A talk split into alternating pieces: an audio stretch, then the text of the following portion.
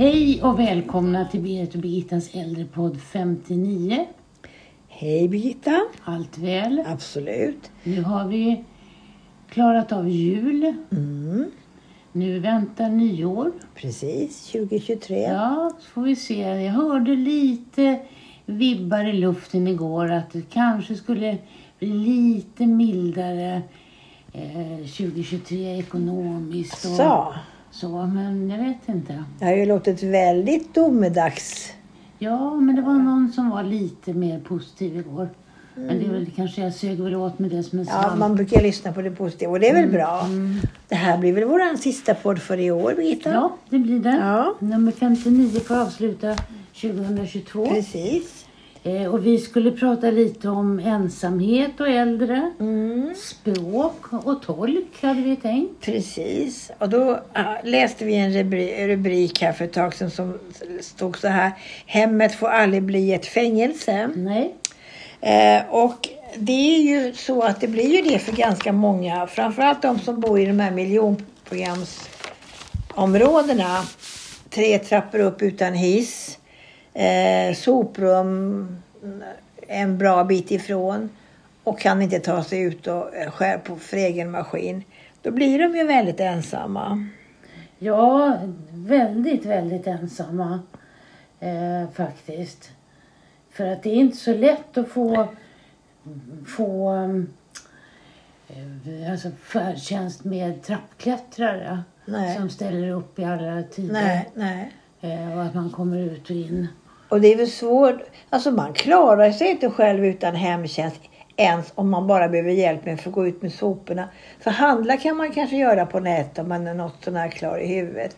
Man kan få hem väldigt mycket till dörren. Men hur får du ut dina sopor? Eh, till exempel. Eh, och det, det här med att ta bort eh, sopnedkastet var väl inte alltid så väl genomtänkt. Men nu är det så. Jag Ja, ja, precis. jag läste en artikel om att eh, från och med 2030 skulle var femte invånare vara 65 år och äldre. Ja. Så det ju, och det här har vi ju vetat sedan 70-talet att äldre skulle öka tack vare den här 40-talistkullen. Mm. Eh, kullen. Och nu är vi där. Mm. Och ehm, det, det är alltså 510 000 till 800 000 fram till 2040 är det som ska bli då, som kommer bli 80 år och äldre. Ja. Och 80 år är ju ingen konst att bli tydligen i år. Till och med 100 nu för tiden. Så att vi blir ju allt äldre och äldre. Och det vet man ju också att upp i åren så blir det, det är ju då man konsu- konsumerar mera vård. Både när det gäller hemtjänst och, och sjukvård. Mm. Så att eh, det krävs ju mera för den här äldre befolkningen och hur vi ska komma till rätta med det. Så det har ju många forskare kliat i huvudet för att funderat över. Och som sagt var, nu är vi där. Ja, och, och det är ju så att det är ju, har ju lagts ner väldigt mycket äldreboenden eh, i landet. Ja, Det, och kvarboendeprincipen blev ju så utbredd. ja och det, Och det det var ju någonting som människor önskade sig också. Absolut. Vara kvar i sitt hem. och, och de du frågar, du frå- när man gör de här enkätundersökningarna, vilket både du och jag har varit med om, så, så frågar man ju de som fortfarande är väldigt pigga och friska och de kan ju inte tänka sig att flytta in på ett boende utan de säger att de vill bo kvar hemma så länge de kan. Och, då, och det är ju det man har gjort samhällsbygget på då. Att man har, man har lutat sig åt de undersökningarna. Mm. Men, men det kommer ju en tid i livet kanske att man inte klarar allt det här själv och då måste man flytta in. Och idag är det en ganska torftig miljö på, på äldreboendena. Mm, och det är inte så lätt att flytta in. Det är verkligen inte så lätt att flytta in och, och det är inte så lätt att få en plats heller. Nej, nej. Du måste vara väldigt gammal, väldigt sjuk. Eh, dementa har ju oftast förtur. Eh, är bara ensamhet och allmän skröplighet är ju inget indikation på att du får flytta in till ett äldreboende. Nej, och när indikationerna är sådana att du måste vara väldigt skröplig eh, och väldigt hjälpbehövande, då är det ju ofta så att då har du ju inte något behov av dina grannar längre. Utan Nej. då ligger du mest i sängen. Ja. Så då kan du lika bra vara hemma. Ja, ungefär så känner jag också. För då, det är ju innan där du kan ha nytta av att du har När grannar. du har glädje av den här Ja, gemenskapen ja. som eventuellt finns på boendet. Ja. Ja. Och den har du ingen glädje av när det blir så här dåligt. Nej. Nej, det har liksom bli- blivit fel, Mm. fel intentioner på när man får flytta in. Mm. Sen blir man ju kanske dålig när man, när man redan bor där. Men då kanske man ändå haft en viss tid av glädje. Ja, och det är det man måste ta fasta på. Ja. Attendo gick ut med en stor Ja. reklam. Att Nej, ingen skulle behöva vara ensam i jul. Nej. Och när man gick ner i den där annonsen och läste den så var det ju rena rama falska marknadsföringen. Mm. För att det var ju, man uppmanades ju bara att söka biståndsbedömd eh, plats på ett boende. Och det får man ju göra oavsett vem som uppmanar en till det. Så det där tyckte jag var lite fult. För det var en väldigt braskande annons man, som man läste. Ja, för det, det, den, den var väldigt fin. Det står att på julafton samlas vi och se, se, årets julvärd tänder ljuset. Vi tittar på Karl-Bertil. Vi äter gott tillsammans och öppnar julklappar. Vill du ha hjälp att få en plats på ett boende? Vi hjälper dig, står det.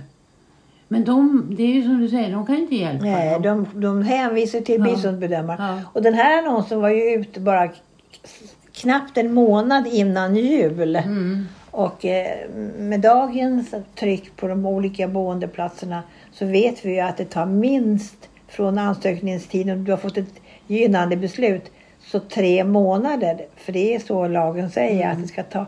Men det brukar, jag läste någonstans att det tar minst 44 dagar innan du får eh, platsen beviljad. Mm.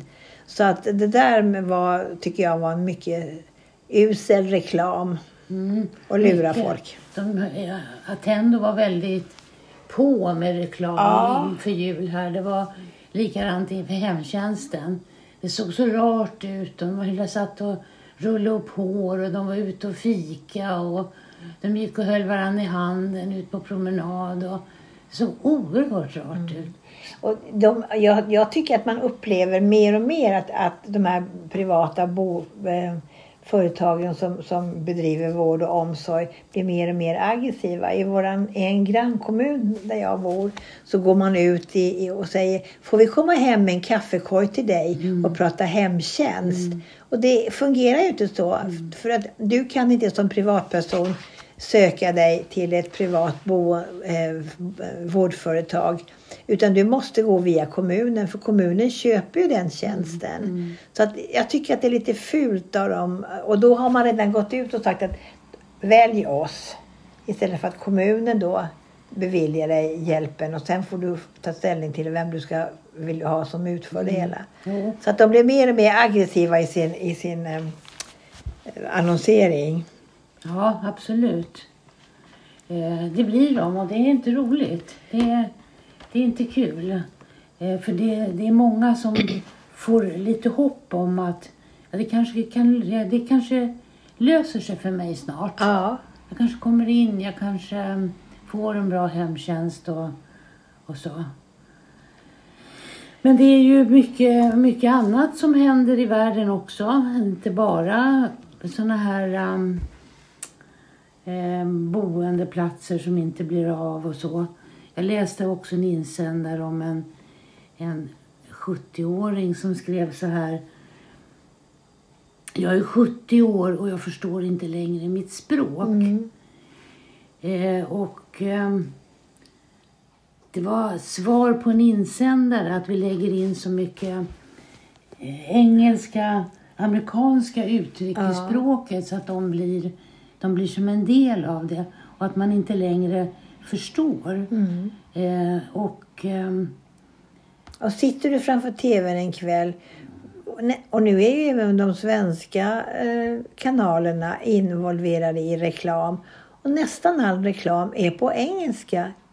Eh, och jag förstår inte varför man måste prata. Och nu börjar ju fler och fler reagera på det. Att det här är inte okej, alltså att man hela tiden ska blanda in. För vårt eget språk blir väldigt utarmat. mm, mm, Och när man pratar om språk så är det ju också det att man har svårt att även om inte man eh, kanske förstår alltid när det gäller engelska så, så är ju det här ett stort problem inom hemtjänsten. Personalen där pratar ju inte eh, någon speciellt bra svenska många gånger.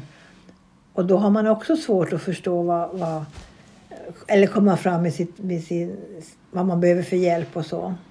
Så att språk är ett svårt, svårt eh, ett kapitel som, som man pratar om. Och när man läser Tidöavtalet till exempel Mm. så står det ju där att, man ska, att det ska vara språkkrav på all personal som jobbar inom äldreomsorgen. Mm. Och jag har lite svårt att förstå hur man ska kunna göra det. För det, vi, alla vet ju idag hur svårt det är att få tag i på personal. Ja, det är Och ju... s- hur, ska man, hur ska man lyckas få... För det är svårt att lära sig ett nytt språk. Väldigt svårt att Och, lära sig ett nytt och språk. kommer den här personen ifrån ett land där man inte haft speciellt bra skolgång så har jag svårt att se hur de ska på, på ett enkelt och ett snabbt sätt lära sig. Det enda jag tror är att man går tillsammans med en svensktalande eh, kollega Mm. och på så sätt, i, och sen så samtidigt så läser man svenska på SFI till exempel. Så det tror jag är ett, ett bättre sätt att lära sig svenska. Ja, det, så är det nog. Men eh, just det här när man ska lära sig svenska, då kommer det in massa andra ord från engelska Mm. eh, och som den som ska lära inte längre kan. Nu kommer inte jag ihåg det här ordet eh, som den här 70-åriga kvinnan inte förstod, men det var ett engelskt uttryck som hon hade hört på radio och som hon inte kunde få förklarat. Mm. Och jag träffade mina barnbarn och de pratade också om ett uttryck som jag absolut inte kände igen. Eh, och så frågade jag vad det betydde. Mm. Eh, och då kunde de faktiskt inte förklara Nej. det för mig. För det var så integrerat hos dem. Ja. Så det var svårt för dem att ge mig en svensk förklaring. Ja. Eh, och då hamnar man ju väldigt utanför. Men så tycker jag det är med många ord. Att, att när man läser, jag försöker hänga med, olika tidningar har ju olika svåra ord som man då ska se om man förstår. Men, men eh, väver man in det så, och så, i så lågt ner i åldrarna så blir det ju en del av, av språket. Ja. Ja, det blir det ju. Eh, men ehm, ja, och då missar man där då missar man en kommunikation mellan mormor och barnbarn. Ja. Därför att man pratar helt olika saker. Ja, ja. Och språket är då språket är då kopplat till den verklighet och där man är uppväxt och vad de använder för språk. Det är ju oftast i, spel, eh, inom, i spelvärlden. Mm. För alla de här spelen som, som våra ungdomar och våra barnbarn kanske håller på med. De är ju uppbyggda på engelska så de blir ju jätteduktiga på engelska. Så de märker ju inte när de inte pratar svenska rakt ut utan de blandar in de här orden och det, och det ser man ju på förkortningar och allt sånt där. De, det är en helt annan värld de lever i, så att Ja. säga. De är jätteduktiga på engelska. Ja, verkligen. Det är helt otroligt. Men det hjälper ju inte de riktigt äldsta som inte då känner sig hemma i sitt eget land. Nej, nej, när man inte förstår språket och när det på, på radio pratas på, med spr- språk som ingen förstår då, ja, då är det svårt. Ehm, det kom en nyordslista igår, publicerades den. Och en utav, det var många ord som kom där, men en utav dem var epadunk. Eh, och det tog du direkt, det var dunken från epatrakten. Men det kanske inte alla som Nej, gör det tror jag. Och det var många ord där som inte jag förstod Nej. heller. Så att, att, eh, men det är lite roligt de här nyorden och se hur länge de hänger kvar då. då. Ja, men då är det ju faktiskt så att du och jag behöver kanske skaffa oss en sån här nyordslista för att hänga med. ja. För att då, idag vet vi ju inte alla nya orden. Nej, så är det. Eh, Och sen kan vi så småningom behöva en tolk för att kunna klara vårt svenska språk. Man vet aldrig. Ja, nej. På tal om, om tolk så Tidöavtalet, Ja. det pratar ju om tolk. de pratar om tolk och man ska begränsa tolk. Eh, de som får tolk till exempel inom sjukvården och inom rättsväsendet och så. Och det kan ju bli väldigt förödande. Eh, samtidigt som man kan tycka att om man har bott länge i ett land så ska man, försöka, ska man väl verkligen försöka lära sig det landets språk. Och jag vet att eh, det finns människor som har bott här i 25-30 år och inte kan nästan någon svenska alls. Och det mm. drabbar ju oftast kvinnor. Mm. Och det är oftast då när de ska söka vård som barnen får följa med dem. Mm. Och, och, ehm, och det är inte alltid att det blir rätt Nej. översatt. Eh, för de tolkar ju på ett känslomässigt mm. sätt än en professionell tolk mm. gör.